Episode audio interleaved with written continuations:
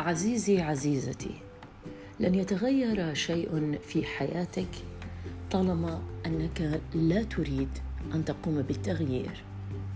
تذهلني تلك الإعلانات التي تقول عشرة أفلام ستغير من حياتك.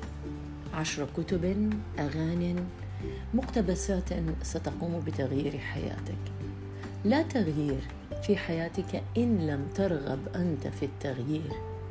إن لم تريدي أنت إحداث تغيير في حياتك نحو الأفضل. طبعا نطمح جميعا أن يكون التغيير نحو الأفضل ولكن أحيانا يتغير بعض الأشخاص نحو الأسوأ وذلك بسبب التجارب الإنسانية التي يمرون فيها. لنضرع إلى الله عز وجل أن تكون جميع طموحاتنا للتغيير نحو الأفضل.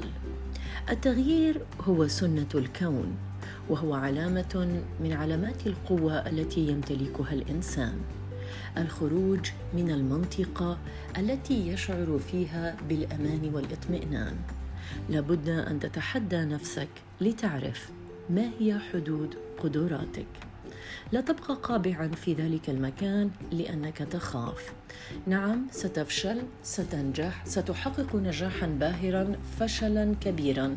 ولكن في النهاية سيقولون أنك قد نلت شرف المحاولة.